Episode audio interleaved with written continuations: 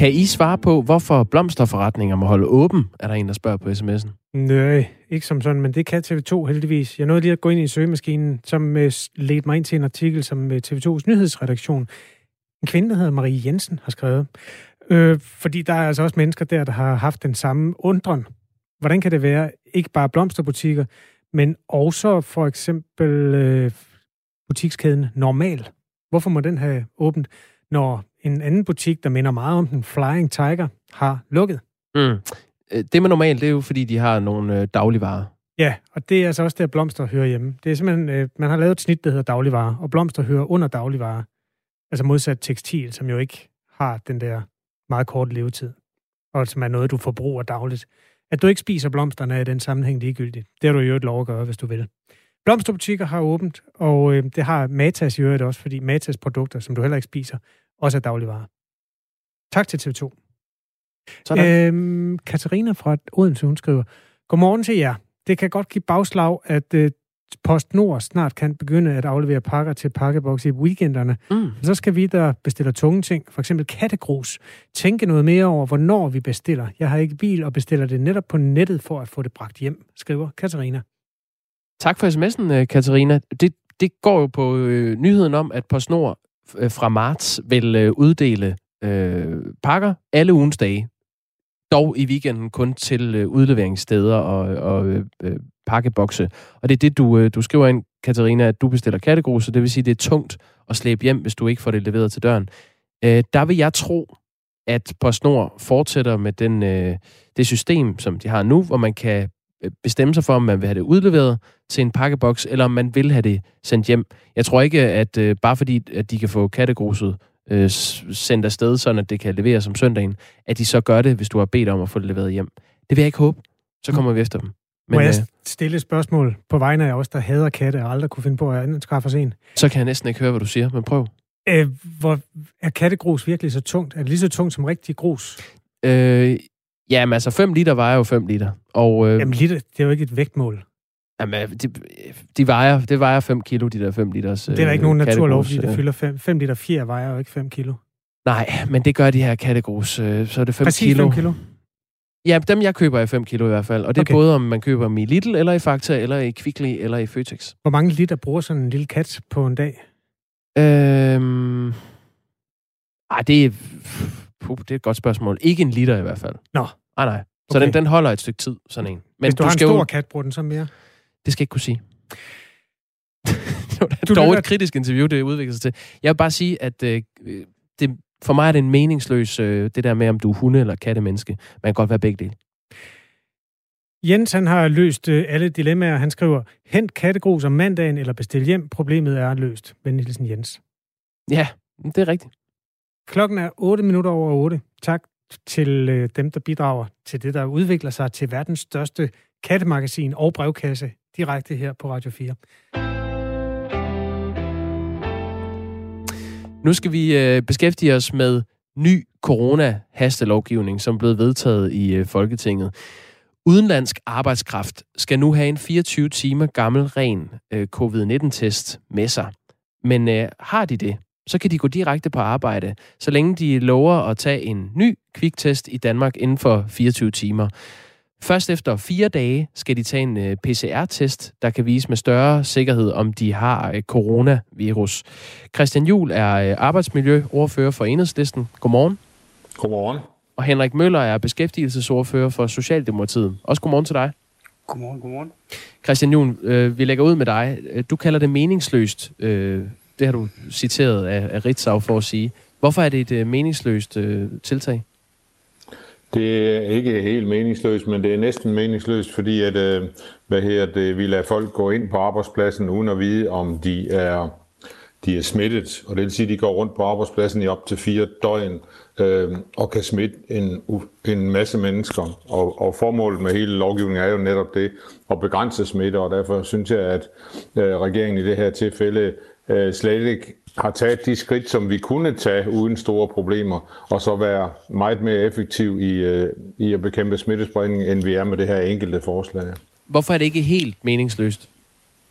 Det er fordi, det, trods alt efter fire dage, så bliver der jo testet PCR, og det er en lille fordel. Men øh, vi synes, at man kunne gå, øh, tage mange flere skridt, for eksempel at lade de folk, øh, der kommer til landet, være uden for arbejdspladsen, indtil de har resultatet af PCR-testen. Og derfor kunne man beskytte sig bedre ved at øh, lade dem selv isolere de første fire dage, eller, eller indtil de fik testen. Henrik Møller, beskæftigelsesordfører for Socialdemokratiet. Christian Juhl, arbejdsmiljøordfører for, for Enhedslisten her. Han kalder det altså næsten meningsløs lovgivning. Hvorfor er det ikke næsten meningsløst, det regeringen står bag her? Ej, det, det, det, det synes jeg nu ikke, det er. Altså, det er sådan, at man skal have, som der blev sagt, en, en, en test 24 timer før man kommer ind, og så skal man have taget en test senest 24 timer efter. Og der må man sige, at de der kviktester øh, er jo sådan, så at, at med, med, med det, der er blevet undersøgt nu her, så viser det sig jo, at i forhold til, til det, når man øh, erkender, at de er negative, så, så er det sådan set stort set ens med PCR-testerne. Der, hvor forskellen er, det er, at der er flere af de her kviktester, som er positive, som når man får en PCR-test, øh, bonger ud som, som negativ. Så jeg synes sådan set ikke, det er fire dage, man går og venter. Det er fire dage, hvor man egentlig kan, kan have en positiv test, men hvor man egentlig er negativ. Men, men, men det, der jo er udgangspunktet, det er jo, at vi har jo også den der vandrende arbejdskraft i forhold til, til grænselandet, hvor man skal testes en gang om ugen. Øh, så, så, så det er rigtigt, at det her er jo ikke 100% sikkert, men jeg synes, vi har fundet en god balance mellem, at, at virksomhederne kan fungere, og at vi sundhedsmæssigt gør noget, som, som, som hænger sammen. Ifølge den her nye lovgivning er det nu øh, arbejdsgiverne, der får ansvaret for, at den udenlandske arbejdskraft skal øh, testes. Og for to uger siden kunne øh, fagbladet 3F fortælle, at mindst 19 personer har forsøgt at snyde sig ind i Danmark med falske covid-19-attests ved den dansk-tyske grænse siden i sommer. Henrik Møller, når man nu ved, at der er blevet forsøgt snydt med falske tests, er det så ikke bekymrende, at udenlandske arbejdere kan gå i op til fire dage, før de får taget den her mere præcise PCR-test? Nej, det er det, jeg prøver at sige. Det er jo inden for de her 24 timer efter, man er kommet. Jeg synes, at, at udgangspunktet Jamen, det er, er jo også... At der... Nu skal vi holde tungen i munden. Det er kviktesten. Så går der fire dage, før man får taget PCR-testen. Jamen det, jeg så siger, det er, at hvis kviktesten bonger ud og er negativ, så, så er det faktisk identisk med de undersøgelser, der er lavet, at det gælder også i forhold til PCR-testen. Altså, så der er faktisk en ekstra sikkerhed i, at der, der hvor problemet er, det er, der er nogle af de her kviktest, som bonger ud som positive. Og det vil sige, så bliver personen jo isoleret. Altså, det, det, er, jo en, det er jo en ekstra sikkerhed, kan man sige, i forhold til PCR-testen, som er der. Øh, så, så det er jeg sådan set ikke så bekymret for i forhold til den del. Så, så worst case er faktisk, at folk isolerer sig uden grund? Ja, det kan man sige. Det kan man sige. Christian Juhl, øh, hvad siger du til den pointe? Det er ikke rigtigt. Det er sådan, at der er en øget risiko ved det her, og derfor har vi foreslået, at folk de lader sig øh, selvisolere de første indtil man får PCR-test-resultatet, øh, at man forøger ansat, øh, også indsatsen generelt på arbejdspladsen. Det, er jo, det her er jo bare et lille bitte skridt af nogle ting, man kunne gøre. Man kunne for eksempel også, som jeg lige nævnte, øh, forstærke den forebyggende indsats, altså hygiejnen, adskillelse og de der ting. Det foreslog vi, at vi også tog med i det her, at, det, at, PC, at, øh, at, at, at, at den her situation, vi er nu, det er en skærpet situation, og derfor skal man være endnu mere opmærksom på, at arbejdsmiljø, sikkerhed og hygiejne er på plads. Det vil man heller ikke være med til.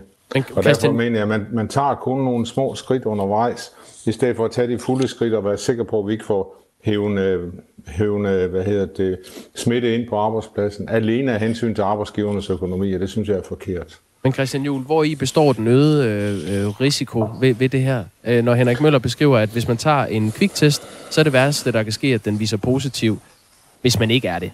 Og så isolerer man sig jo øh, sig selv. Så hvor, hvor er øh, den øgede Nå, risiko det er, ikke, det? Det, er jo ikke rigtigt. Den risiko er der alligevel, fordi man stoler jo ikke på PCR-testen. Det er jo ikke kun til den ene side, det er til begge sider, at man ikke stoler på den. Er det kvikttesten, du taler om her? Ikke? Ja. ja okay. øh, og derfor skal man have PCR-testen, øh, som, er, er, som er, er mere sikker og uh, som kan bruges bedre til smitteopsporing.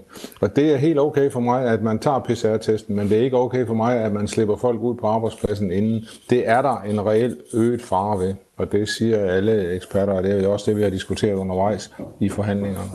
Henrik Møller, en kommentar til det? Nej, men altså, vi, vi, vi er jo bare uenige. Altså, jeg synes, vi har fundet en god balance imellem, at, at, at virksomhederne kan fungere, og at, at vi sundhedsmæssigt gør noget, vi synes, der hænger meget godt sammen. Altså, jeg synes jo, som, som, som udgangspunkt, er der jo ingen, der er interesseret i at få bragt den her smitte med ind. Altså, hvis resten af medarbejderne bliver smittet, så kommer det jo i den grad til at gå ud over økonomien for, for, for, for den enkelte virksomhed. Så, så, øh, så jeg, jeg, jeg tror bare, vi, vi er uenige om, om, hvorvidt det her tiltag er godt nok. Vi, øh, vi, vi føler os trygge, vil jeg sige. Men har, har Christian Juhl ikke en pointe, når han siger, at folk ikke stoler på de her kviktest, når de ikke er nær så præcise som PCR-testen? Jo, det, det, det er jo bare der, hvor jeg kan sige, at, at det studie, som er lavet, viser jo, at, at når vi snakker i forhold til, at det bonger ud og er negativt, at, at, at så er det, er det stort set identisk, om det er en kviktest eller en PCR-test. Der, hvor problemet er, det er, at der er nogen, der bonger ud og er positiv, som rent faktisk viser sig ved en PCR-test og være negativ. Men det er jo i og for sig bare en ekstra sikkerhed, kan man sige. Christian Juhl. Ja. De fanger jo ikke, de fanger jo ikke alle smitte øh, med en uh, kviktest. De, de fanger en del af dem, og det er det, er det der er problemet. Og uh, hvad hedder det, uh, derfor synes vi, at vi kun er gået halvvejen, og nu kan vi jo vente og se. Der skal nok komme nogle eksempler på, at man alligevel slæver smitte ind på arbejdspladsen, så kan vi til den disku- tid diskutere, hvem der har ret. Du lyder ret pessimistisk, og du kalder den altså næsten meningsløs, den her lovgivning, Christian Juhl. Men uh, ja. hvorfor har enhedslisten så stemt for?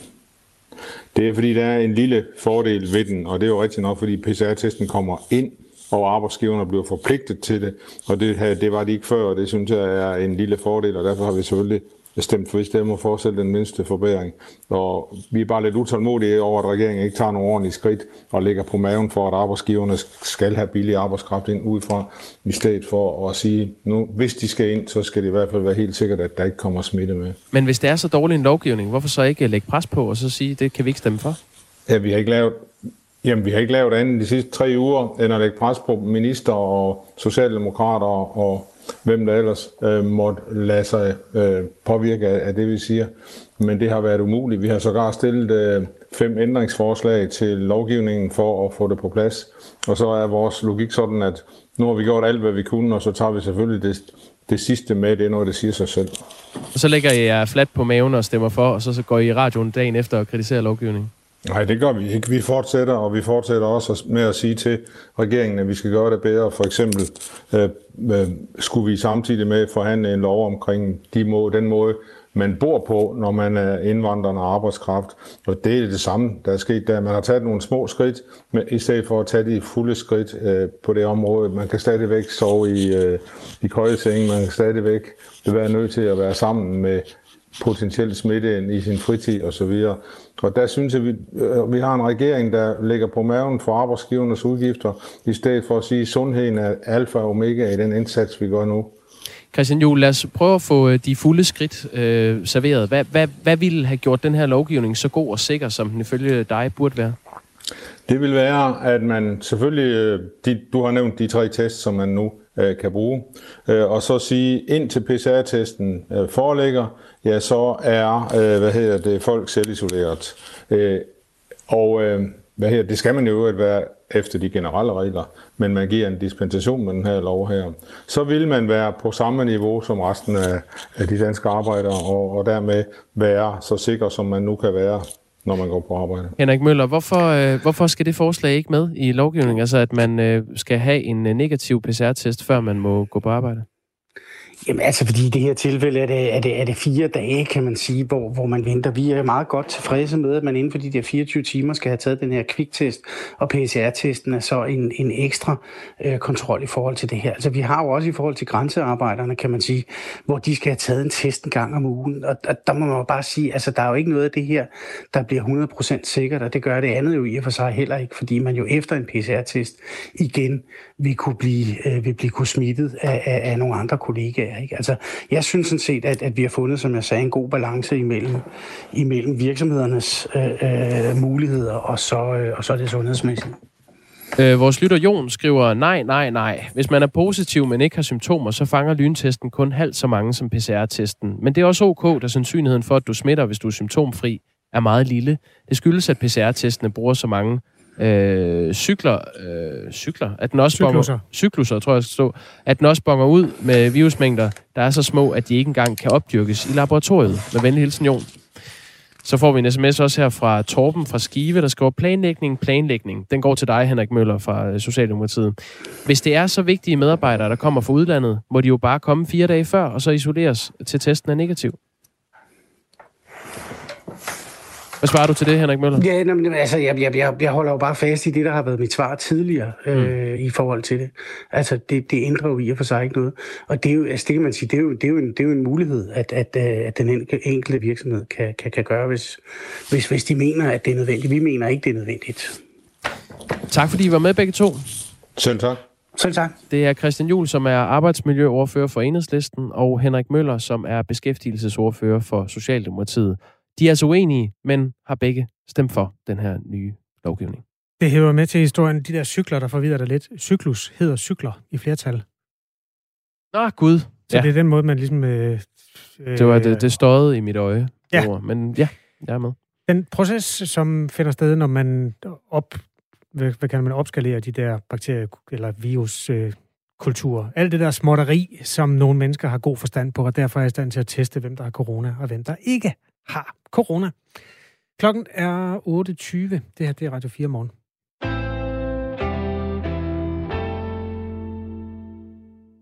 Aflys læseferien før eksamenerne for elever i folkeskolen og på ungdomsuddannelser, så undervisningen kan blive forlænget. Det er forslag, der kommer fra både Venstre og fra SF og fra Enhedslisten. En historie, som TV2 offentliggør her til morgen. Ingrid Kærgaard er forkvinde for danske gymnasieelever. Øhm, forklar lige helt præcist, hvorfor du synes, det er en god idé.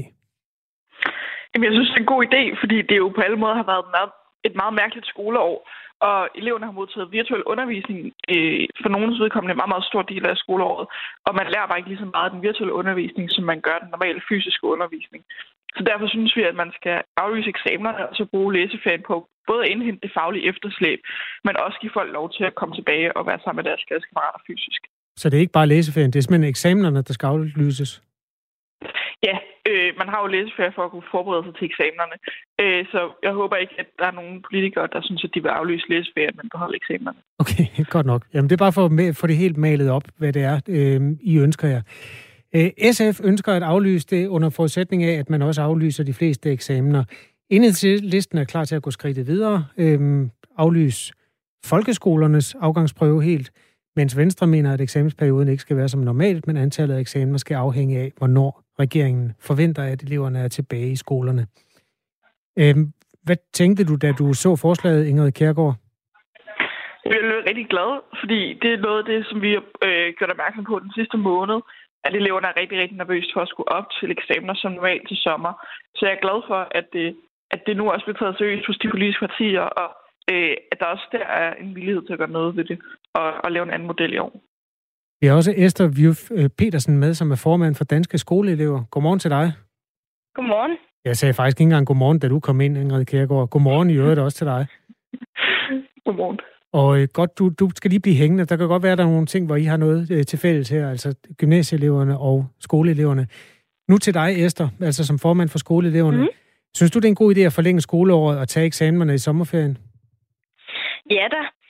Øh, vi har en undervisningsminister, øh, der er gået ud på et pressemøde i sidste uge og sagt, at vi skal have nødundervisning øh, helt ind til sommer. Og det vil altså sige, at stort set alle krav til undervisning er øh, smidt ud af vinduet. Og øh, derfor så øh, skal vi selvfølgelig ikke til øh, en eksamen i nogle fag, som vi ikke har haft i øh, super, super mange uger på hele året. Så det vil da klart være det mest hensigtsmæssige. Også hvis det indebærer eksamen i sommerferien? Ja, det synes jeg. For, for øh, det dur ikke, at vi går til en eksamen, som enten viser et misvisende billede af, hvad vi egentlig skal kunne, eller går til en eksamen, hvor det bare, at vi faktisk ikke er forberedt og klar øh, til den situation. Og så synes jeg hellere, at vi skal skubbe den første eksamenssituation til vores ungdomsuddannelsestid. Fordi det dur ikke, at den første eksamenssituation, vi møder, er utryg. For det kommer til, det kommer til at sidde i nogle elever i rigtig, rigtig lang tid, når det er, at de skal op og stå og snakke foran folk og præstere under noget pres. Så derfor så håber jeg også, nu har vi også Ingrid med på linjen, mm. der håber jeg også, at vi har nogle ungdomsuddannelsesorganisationer, der vil tage ansvar for at kæmpe for de her elevers øh, ret til en, eventuel ekstra undervisning eller eksamensforberedende undervisning, når de kommer og starter øh, på en, øh, på en ungdom, ungdomsuddannelse. For der er ingen tvivl om, at de kommer til at have brug for noget ekstra assistance, når de altså ikke får den her erfaring med sig. Har I egentlig mødt hinanden før, Ingrid Kjærgaard og Esther Ja. Petersen? Ja, godt. Ja.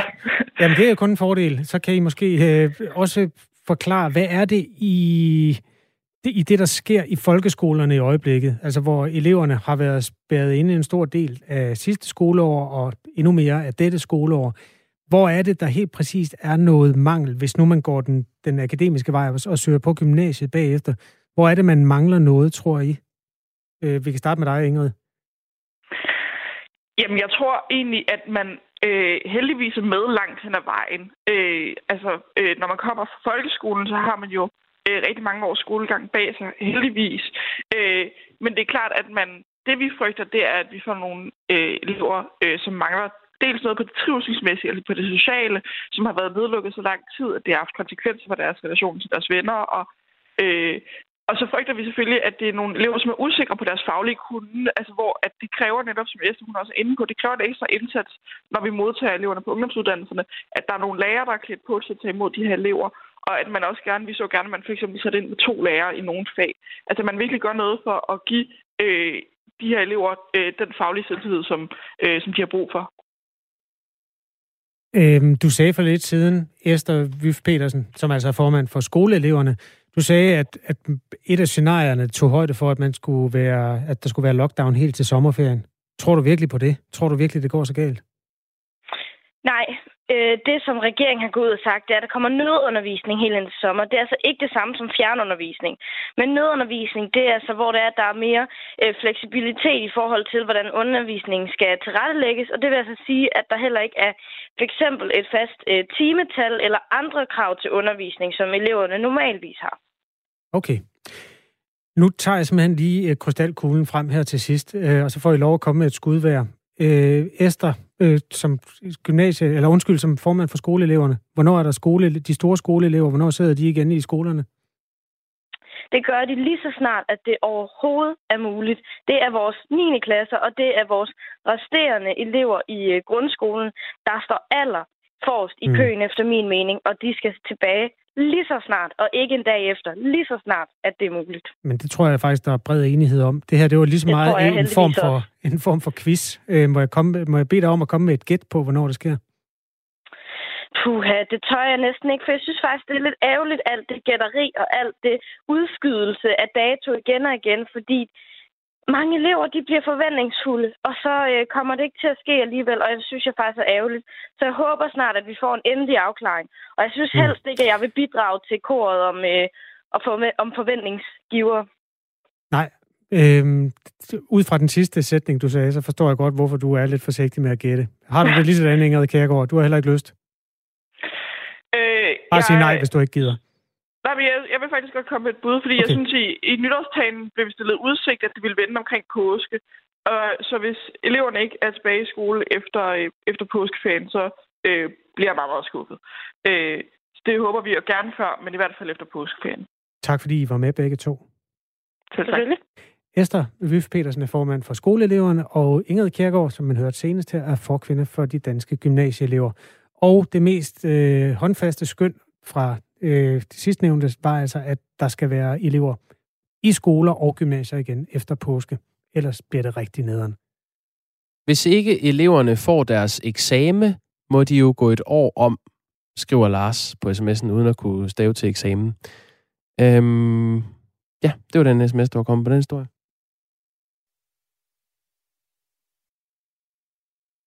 Skal vi tage et par sms'er mere fra for eksempel Ronny, han spørger, i det, der har udviklet sig til at være verdens største brevkasse. Kan man få faste lavnsboller leveret? Ronny øh, sætter sig på ryggen af den historie, vi havde lidt tidligere om det enorme opsving, som man oplever i faste lavnsbollebranchen. Ja, øh, kan jeg så fortælle dig, Ronny, det kan du sagtens. Øh, nemlig.com har, for, altså bare for at nævne en af de leverandører, der kan du i øvrigt også bestille en faste lavnstønde, hvis du ikke øh, har lyst til at gå ud til faste lavnsarrangementer, men gerne vil slå katten af tønden for dig selv. Okay. Jamen, øh, på grænsen til reklame, men jeg ser det som forbrugeroplysning. Helt klart. 250 kroner, det er i virkeligheden ikke ret meget for, at du kan gå rundt derhjemme og slå på tønden lige så mange gange, du har lyst til. Du kan selv lave reglerne. Hold da op. Hvad koster fragt? Det fremgår faktisk ikke. Nå. Det øh, skal jeg nok undersøge. Måske når jeg det ikke i dag, men så gør jeg det til i morgen.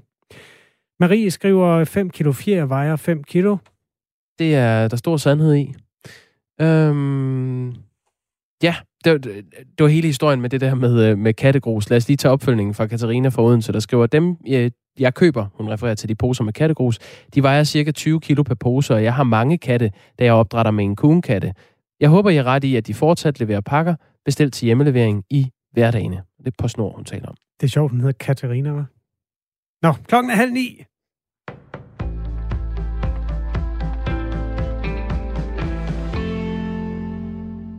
Der er fortsat problemer med is og sneglatte veje i næsten hele landet her til morgen. Mest alvorligt ser det ud i Syd- og Sønderjylland, hvor politiet kan berette om snedriver på op mod en halv meter på tværs af nogle af vejene omkring Tønder. Hos Sydsjællands og Lolland Falsters politi melder melder man om flere biler og lastbiler, der er havnet i rabatterne. Kom hellere en halv time for sent på job, end at ende i grøften i forsøget på at nå frem til tiden. Tålmodighed, vinterdæk og varmt tøj kan anbefales, lyder det fra Sydsjællands og Lolland Falsters politi på Twitter. På Fyn har der også været sneproblemer i snart et døgn, og i den periode har Fyns politi registreret 20 færdselsuheld, fortæller vagtchefen til TV2. De fleste skete onsdag i dagtimerne, men der er stadig glatte veje i hele kredsen, advarer vagtchefen. Der er glatte veje og snefyning i store dele af Midt- og Vestjylland. Saltvognen er ude at køre, kørt forsigtigt og efter forholdene. Pas på jer selv og andre, skriver Midt- og Vestjyllands politi. Vagtcheferne på Bornholm, store dele af Sjælland og Sønderjylland advarer både om glatte veje og sne, der kan skabe problemer i morgentrafikken. Også Midt- og Vestjyllands politi advarer om glatte veje og snefyning i store dele af kredsen, og du kan holde dig opdateret om trafiksituationen via Vejdirektoratets trafikkort. Da nedlukningerne lagde sig over Europa for godt et år siden, og familierne skulle have tiden til at gå bag hjemmets fire vægge, spirede en formodning om, at pandemien kunne indvarsle et babyboom. Ligesom 2. verdenskrig satte skub i boomergenerationen, ville en coronageneration se dagens lys i år, lød forventningerne. Men det bliver næppe tilfældet. Tværtimod ser coronakrisen ud til at få den stik modsatte effekt. De store hidtil usete omvæltninger i hverdagen og usikre økonomiske fremtidsudsigter har lagt en dæmper på familiernes planer om at få børn, og i flere europæiske lande begynder fødeklinikker at melde om en bølgedal i aktiviteten, skriver Kristligt Dagblad.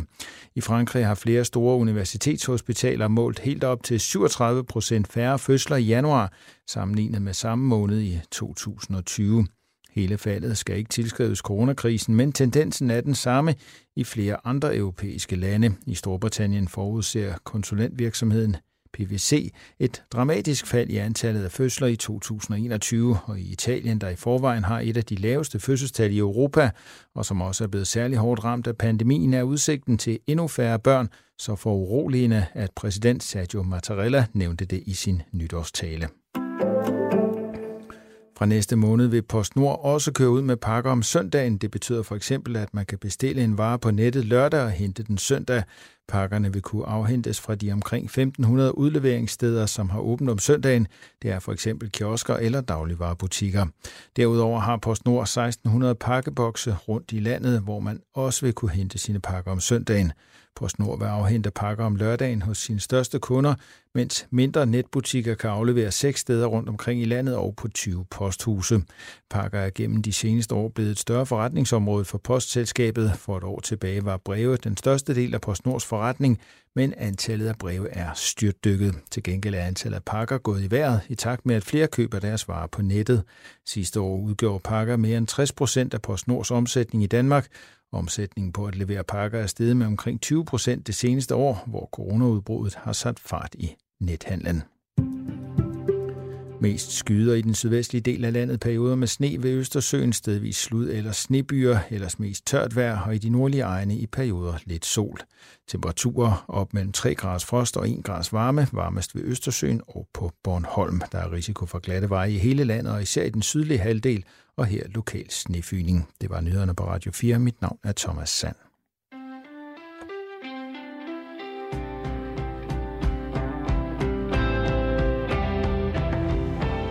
Tidligere på morgenen skrev vores lytter Ina ind som en konsekvens af, at vi har omtalt øh, de her stigninger i fragtpriserne.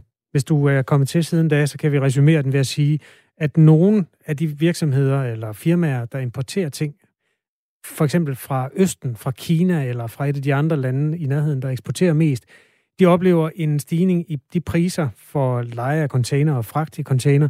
Øh, nogle steder femdobbelt, nogle steder helt op til 10 gange det, man betalte tidligere. Og det vil sige, at øh, som for at tage et konkret eksempel, en lytter skrev, at en, en container, der før kostede 20.000, den er steget til 100.000 kroner for en leverance. Ina, hun sendte sådan en lille bandbulle ind. Hvorfor i alverden skulle man også købe noget asiatisk? Sådan helt overskudsagtigt. Og så var det, Jakob, du stillede det meget fine spørgsmål til Ina.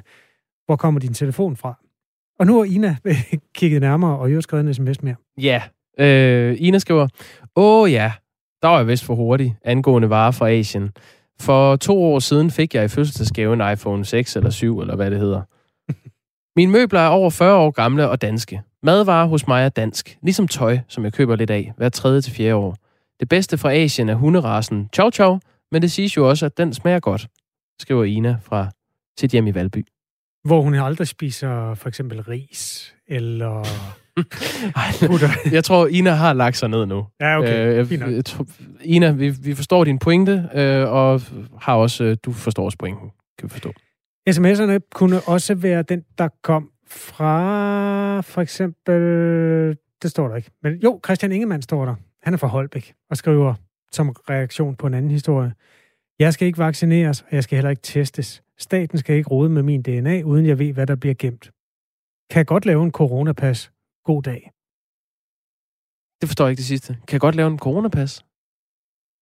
Hvad? Uddyb gerne, Christian. okay. Øhm, Michael skriver, aktier i firmaer, der sælger faste lavnsboller. Har I prøvet med det Munk AS? Dyb... Nej. Nej, det har jeg ikke. Nej. Dybfrostboller i alle supermarkeder med samme bake-off-dej som hos bagerne. Fire styk 15 kroner. Bages, flækkes og ilægges rigtig flødeskum med vaniljesukker og lidt jordbærsyltetøj. Leg med indholdet, hvis du synes. Smager vildt fantastisk. Og nybagte til rådighed hele dagen til en tiger i omkostninger per styk. Og nej, jeg er ikke aktionær eller ansat der. Bare en glad bolle. Vend hilsen, Michael. Jeg sidder lige og roder med de der... Øh, altså, jeg er jo ikke en, der handler aktier normalt, men jeg vil da også gerne, når nu alle andre tjener penge på GameStop og hvad der ellers foregår. Øh... nå, med den her bagbetalingsmur. Det er skidesvært at læse om aktier i fødevarevirksomheden Mette Munk. Så det må du have til gode. Men tak for tippet. Og i øvrigt en god idé til folk, der ikke gider betale 50 kroner for en gourmet fastelavnsbolle og være med på, på opsvinget lige der. Ja, præcis. Øhm, klokken er 23 minutter i 9. Du lytter til Radio 4 morgen.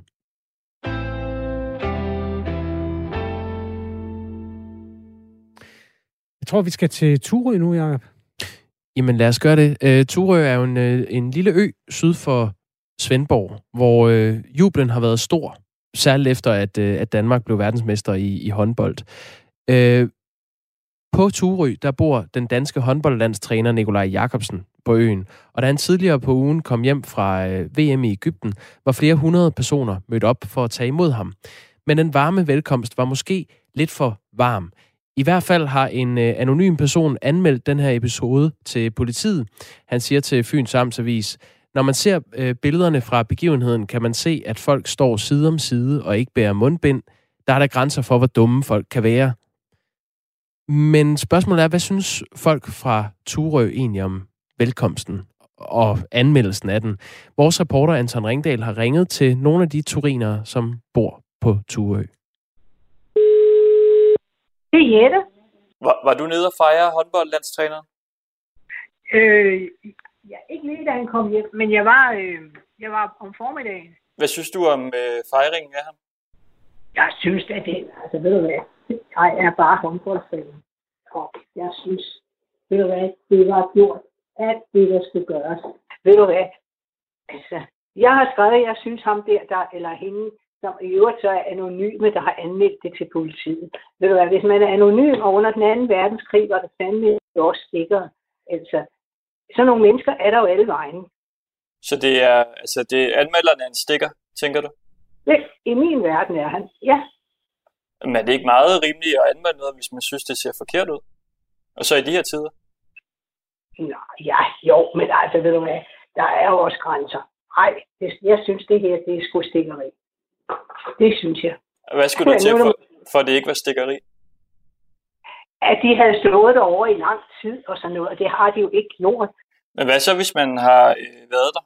Eller set det og synes, det så forkert ud i forhold til coronaregler? Så må de mennesker jo sige det. Altså, det, det kan jeg jo ikke blande mig i. Men, men skulle man så lade være med at anmelde det til politiet, eller hvad? Ja, det synes jeg. Ja, det synes jeg. Ja, det er, ved du hvad, vi er blevet verdensmester. Tag nu lige og hold op, altså. Ja, men ved du hvad, det er min mening. Jeg er bare en gammel dame, som godt kan lide sport. øh, ja. Det er Lars. Jeg synes sådan set, det, det er fint også, det der er foregået. Altså, der er jo holde afstand, og altså i bund og grund, så når han kommer kønner der, og folk de har lyst til at gå op og tage imod ham, det kan man vel ikke styre, hvem der gør, og hvem der ikke gør, ikke? og de har jo holdt afstand til hinanden, og jeg synes, de har gjort det i den dybeste respekt, så det har jeg ikke noget øh, problem med overhovedet tværtimod. Jeg synes, vi skal være glade for, at vi har det sammenhold her på øen, og at vi trods øh, coronatiden her øh, har valgt at, at sige, at, øh, at, at han skal fejres. Han, øh, han bragte noget lys ind i vores liv. Var du selv nede og fejre ham? Nej, jeg kom ikke op. Vi var forhindret desværre. Men ellers ikke, jeg havde været der, hvis det var, øh, vi ikke var forhindret i det.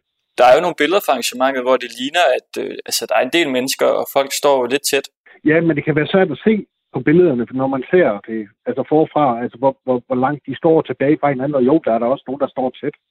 Men altså, øh, i bund og grund, altså, så har jeg jo, jeg har været i Føtex her i Svendborg, hvor vi har stået endnu tættere med endnu flere mennesker nærmest stået på kasterne, så det er jo ikke, øh, de kunne have sagt, at der stod som sild i en tynde deroppe, og der kunne jo have været langt flere, hvis det egentlig var. Øh, ja, de kunne vel også have stået med, med mere afstand? Ja, det kunne de sikkert godt. Men du ved jo selv i kampen tid og, og glædesrus og sådan noget der, så kan man glemme mange ting. Men er det ikke forkert, når der er en pandemi, og alle os andre sidder derhjemme og kigger på tv'et? Hmm, jamen, det ved jeg ikke. Det synes jeg, det er, det er sådan en bagatell diskussion, man kan komme ud i der. Fordi, altså, tænk på, at vi bor over 3.000 mennesker her på øen, og øh, hvad har der været deroppe? 50, 60 stykker eller noget, max, hvis der overhovedet har været det. Havde det været øh, altså en omgang med corona værd, og øh, sige tillykke til ham? Jamen, nu er jeg den overbevisning, jeg tror ikke på, at jeg vil få corona at gå derop, men altså, man kan selvfølgelig aldrig vide. Men øh, hvis jeg skal være helt ærlig til jer, så ville jeg sgu godt tage sådan en omgang for det. det ville jeg egentlig. For jeg synes, det er, det er så flot. Altså, jeg synes, det er så stort. Øh, VM to gange træk. Det er ikke mange, der kan prale af. Det er Vivi. Ved du hvad, jeg synes, at, at det er da værst for ham, der har, eller vedkommende, der har meldt Ture. Ved du hvad, vi har sådan nogle gamle traditioner herovre. At når det er sådan noget der, jamen så fejrer vi dem. Men selvom at det er traditioner og sådan noget, altså skal vi så ikke ligesom øh, overholde reglerne? Det der, at borgerforeningen har lavet, det var så fint et arrangement. Der var da godt nok mennesker. Men hvad her kunne i det øjeblik, han stiger ud af bilen, så samles folk jo for at skal se ham, ikke? Jo. Ja, Men Nå, det ikke- jeg havde- synes, det er pjattet, det der. Havde det ikke været bedre, at folk blev derhjemme og altså, ligesom fulgte det der? Eller ligesom havde mundbind Nej, på jeg kan da og godt forstå, at de vil ud og, og, og tage imod ham. Så hvis der er noget, der skal fejres, så skal det fejres, uanset hvad? Ja, det skal det. Og vi kan godt være stolte af den håndboldtræner, vi har her. Vi har haft en før. Så, vi kan, så er vi stolte, så står vi sammen. Så det, sådan er det. Hvordan siger man farvel på Turø? farveler. Farveler? Jeg siger bare farveler. Jamen, øh, så farveler. Jeg siger farveler. Ja, det er godt. Nej. Det var Anton Ringdal, der havde talt med Jette Gregersen, Lars Becker og Vivi Hansen. Fyns politi bekræfter, at de har modtaget en anmeldelse om det her arrangement, og øh, de siger, at de er ved at vurdere sagen. Og vi har forsøgt at få en kommentar fra landstræner Nikolaj Jakobsen. Det har desværre ikke været muligt, men til TV2 siger han, jeg synes da, det er ærgerligt, at der er kommet en politianmeldelse ud af en god gerning. Og så synes jeg faktisk, at folk holdt god afstand. Det er klart, at du altid lige kan finde to billeder, lige da jeg ankom, men jeg synes ellers faktisk ikke, det var særlig slemt. Folk stod som familier og var spredt ud over et stort areal, og jeg tror, de to billeder, jeg har set, det er folk, der lige vil hen og have et billede, og så forsvinder man igen, siger landstræner Nikolaj Jakobsen altså til TV2 Sport om den her sag. Jens Bernburg er vores lytter, han siger om den her sag, at den, der har meldt det til politiet, skulle have en såkaldt fiskerlussing. Puff. Godt. Øh, en anden skriver øvrigt, at der er ingen corona på danske øer. Så tror jeg, du har glemt den ø, der hedder Sjælland. Men lad nu det ligge. Øh, der, jeg tror, ved du hvad vi gør? Vi skal simpelthen have verdens længste vejrudsigt, fordi jeg har siddet og kigget på syvdøgnsprognosen. Ja. Øh, DMI har gjort det, at de har sat en øh, overskrift på. Den lyder sådan her. Bidende koldt og blæsende.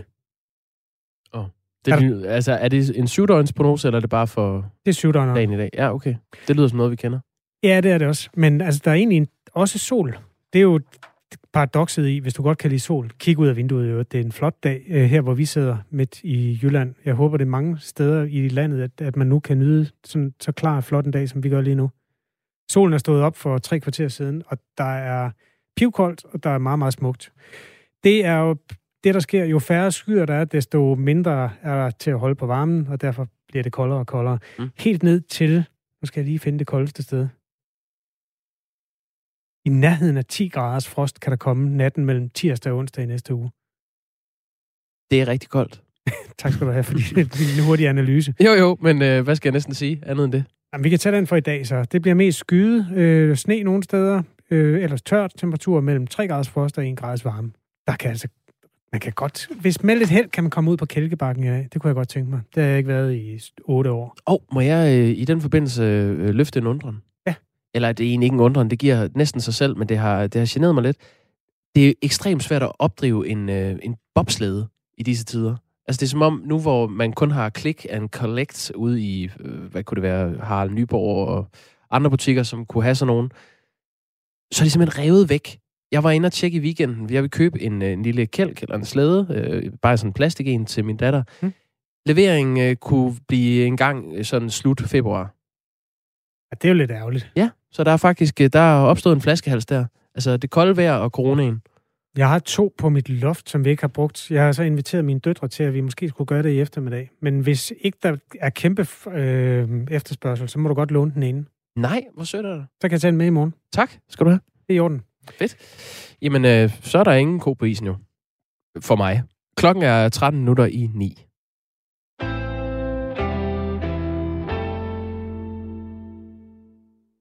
Vi er lidt i tvivl om, hvor vi skal hen. Jeg kigger ud på, vi er, det, vi er jo et hold omkring det her. Vores producer, hun hedder øh, Katrine Volsing. Nogen har også oplevet hende som reporter, der laver indslag nogle gange. Og det er simpelthen Katrine, der lægger brikkerne i den rigtige rækkefølge hos os.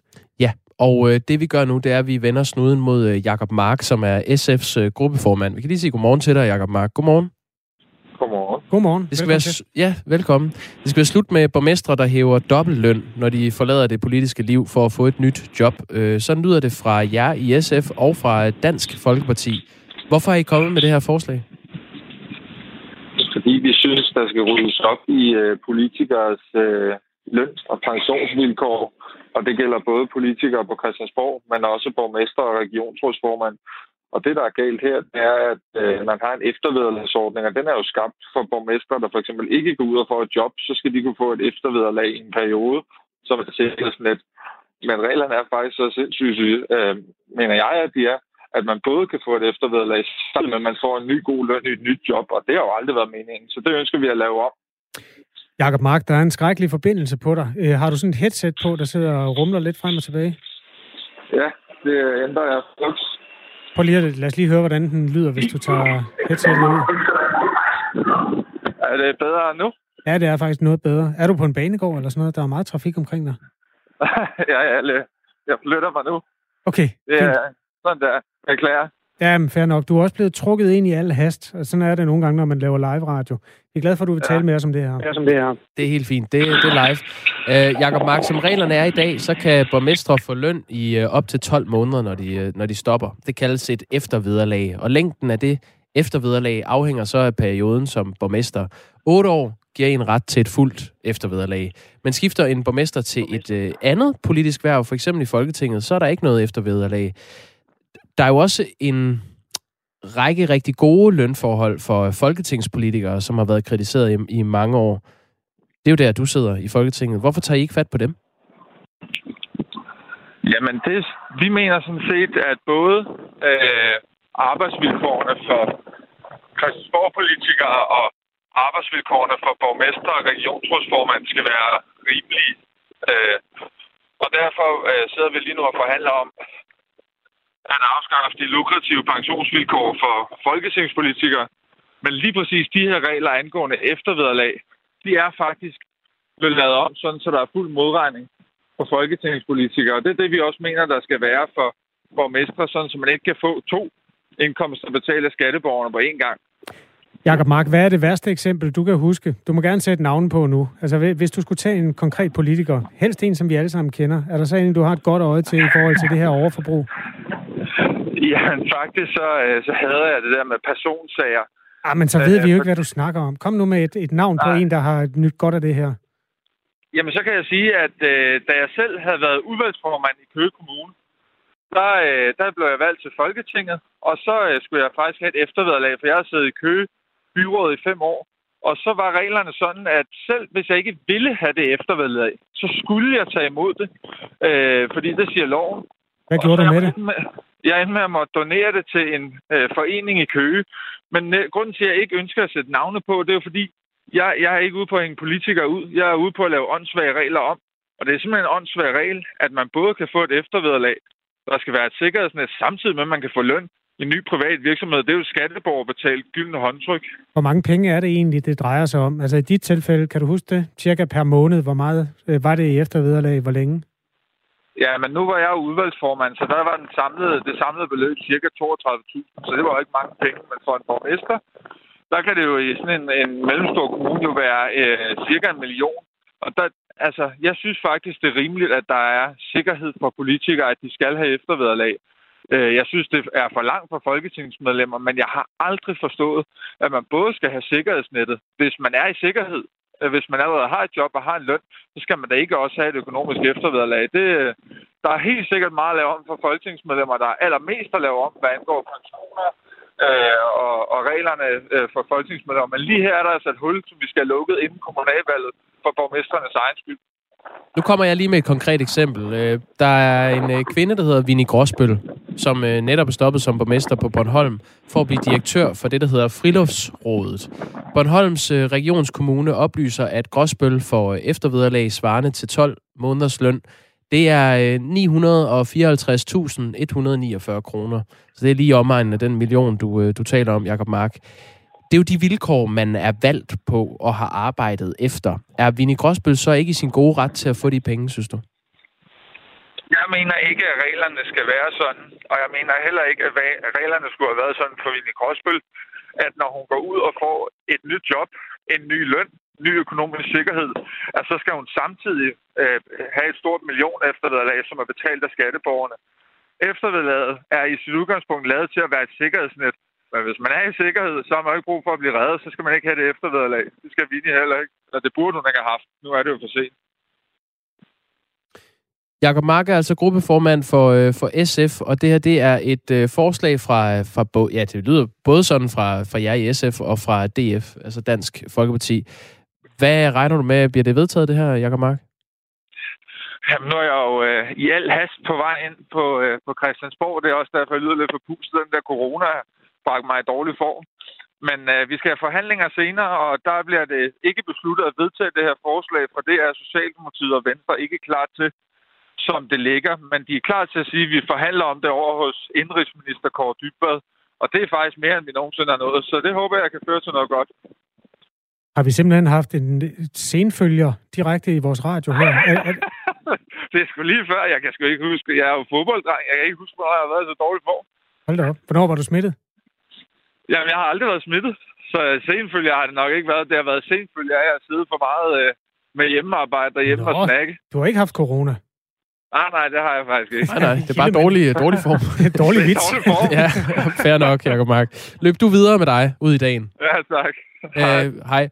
Øh, Jakob Mark er gruppeformand for SF, og vi, øh, nu nævnte jeg Vinnie Gråsbøl, altså øh, tidligere borgmester på Bornholm, før vi har spurgt Vinnie Gråsbøl øh, ind til den her, det her forslag og den her sag. Hun har ingen kommentar til sagen, skal lige siges.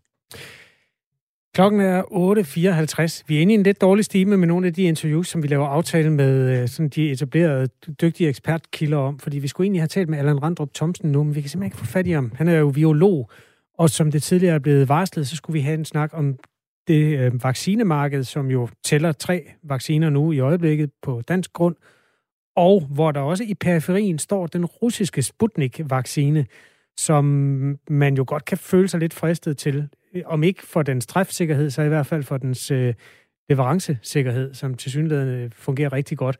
På det internationale marked har tyskerne nu været ude at sige, at de gerne vil hjælpe russerne med at distribuere og producere, hvis det kan lade sig gøre. Og jamen, alt, hvad, hvad diverse fredsforhandlinger ikke har kunnet gøre, det kan en vaccine muligvis gøre.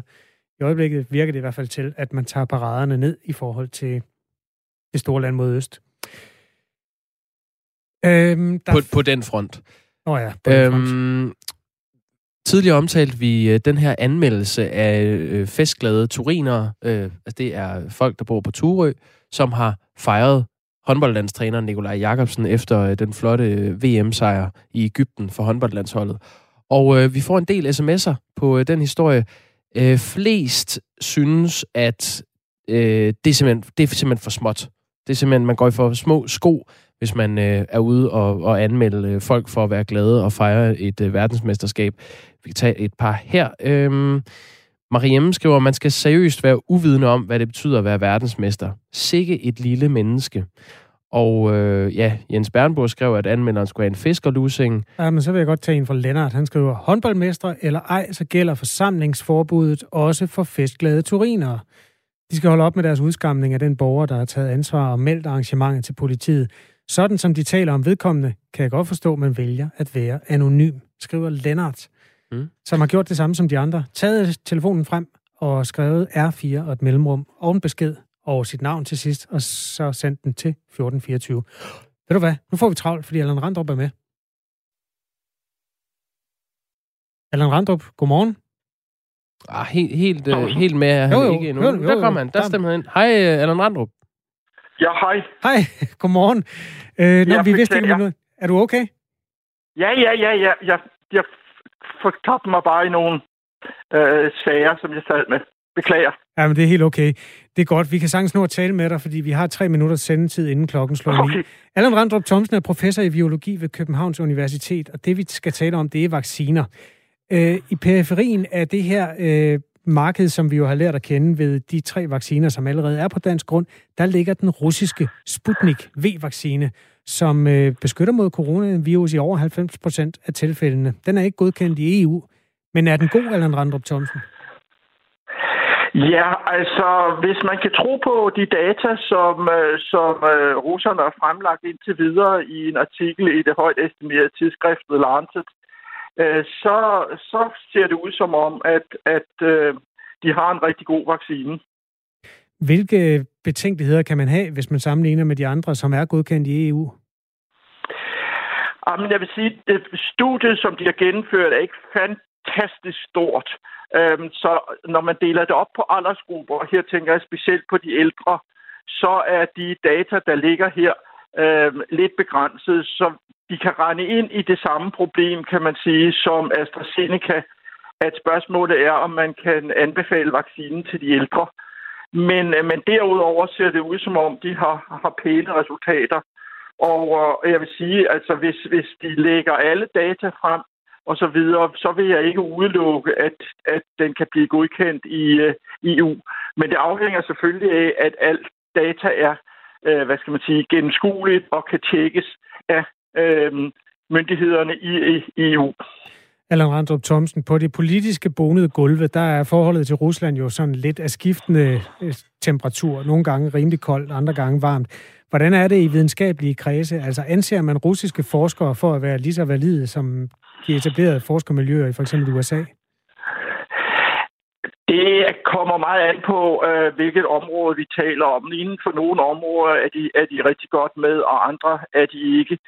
Øh, I denne her sammenhæng vil jeg sige, at, at den teknologi, de har anvendt, øh, øh, og som altså ligger til grund for deres vaccine, den er basalt set den samme som for eksempel AstraZeneca. Øh, så der er ingen grund til at antage, at, at øh, det, de har lavet, ikke er ordentligt. Jeg vil sige, der hvor jeg måske ser den største problemstilling, det er omkring produktionen af vaccinerne. Altså, kan vi være sikre på, hvis et eller andet går galt under øh, produktionen af et batch af vaccinen, vil de så øh, melde det offentligt ud. Mm. Altså, der er en tradition for i, i Rusland, at man fejrer tingene lidt ind under gulvtæppet. Ja. Så en løsning kunne være, at vaccinen blev lavet på licens i Tyskland, som jeg ved, at, at man arbejder på dernede. Øh, og det kunne være en, en rigtig god løsning, for vaccinen ser ud til at være god ud fra de data, der ligger. Nyhedsverden tripper lige om hjørnet, så nu slutter vi med et ja-nej-spørgsmål. Tror du nogensinde, en dansker bliver stukket med den russiske Sputnik-vaccine, Allan Randrup Thomsen? Ja eller nej? Hvis jeg skal være helt ærlig, nej. Tak fordi du var med. Det var så lidt. Og god dag til dig. Ja, tak i måde. Hej, hej. Hej, hej.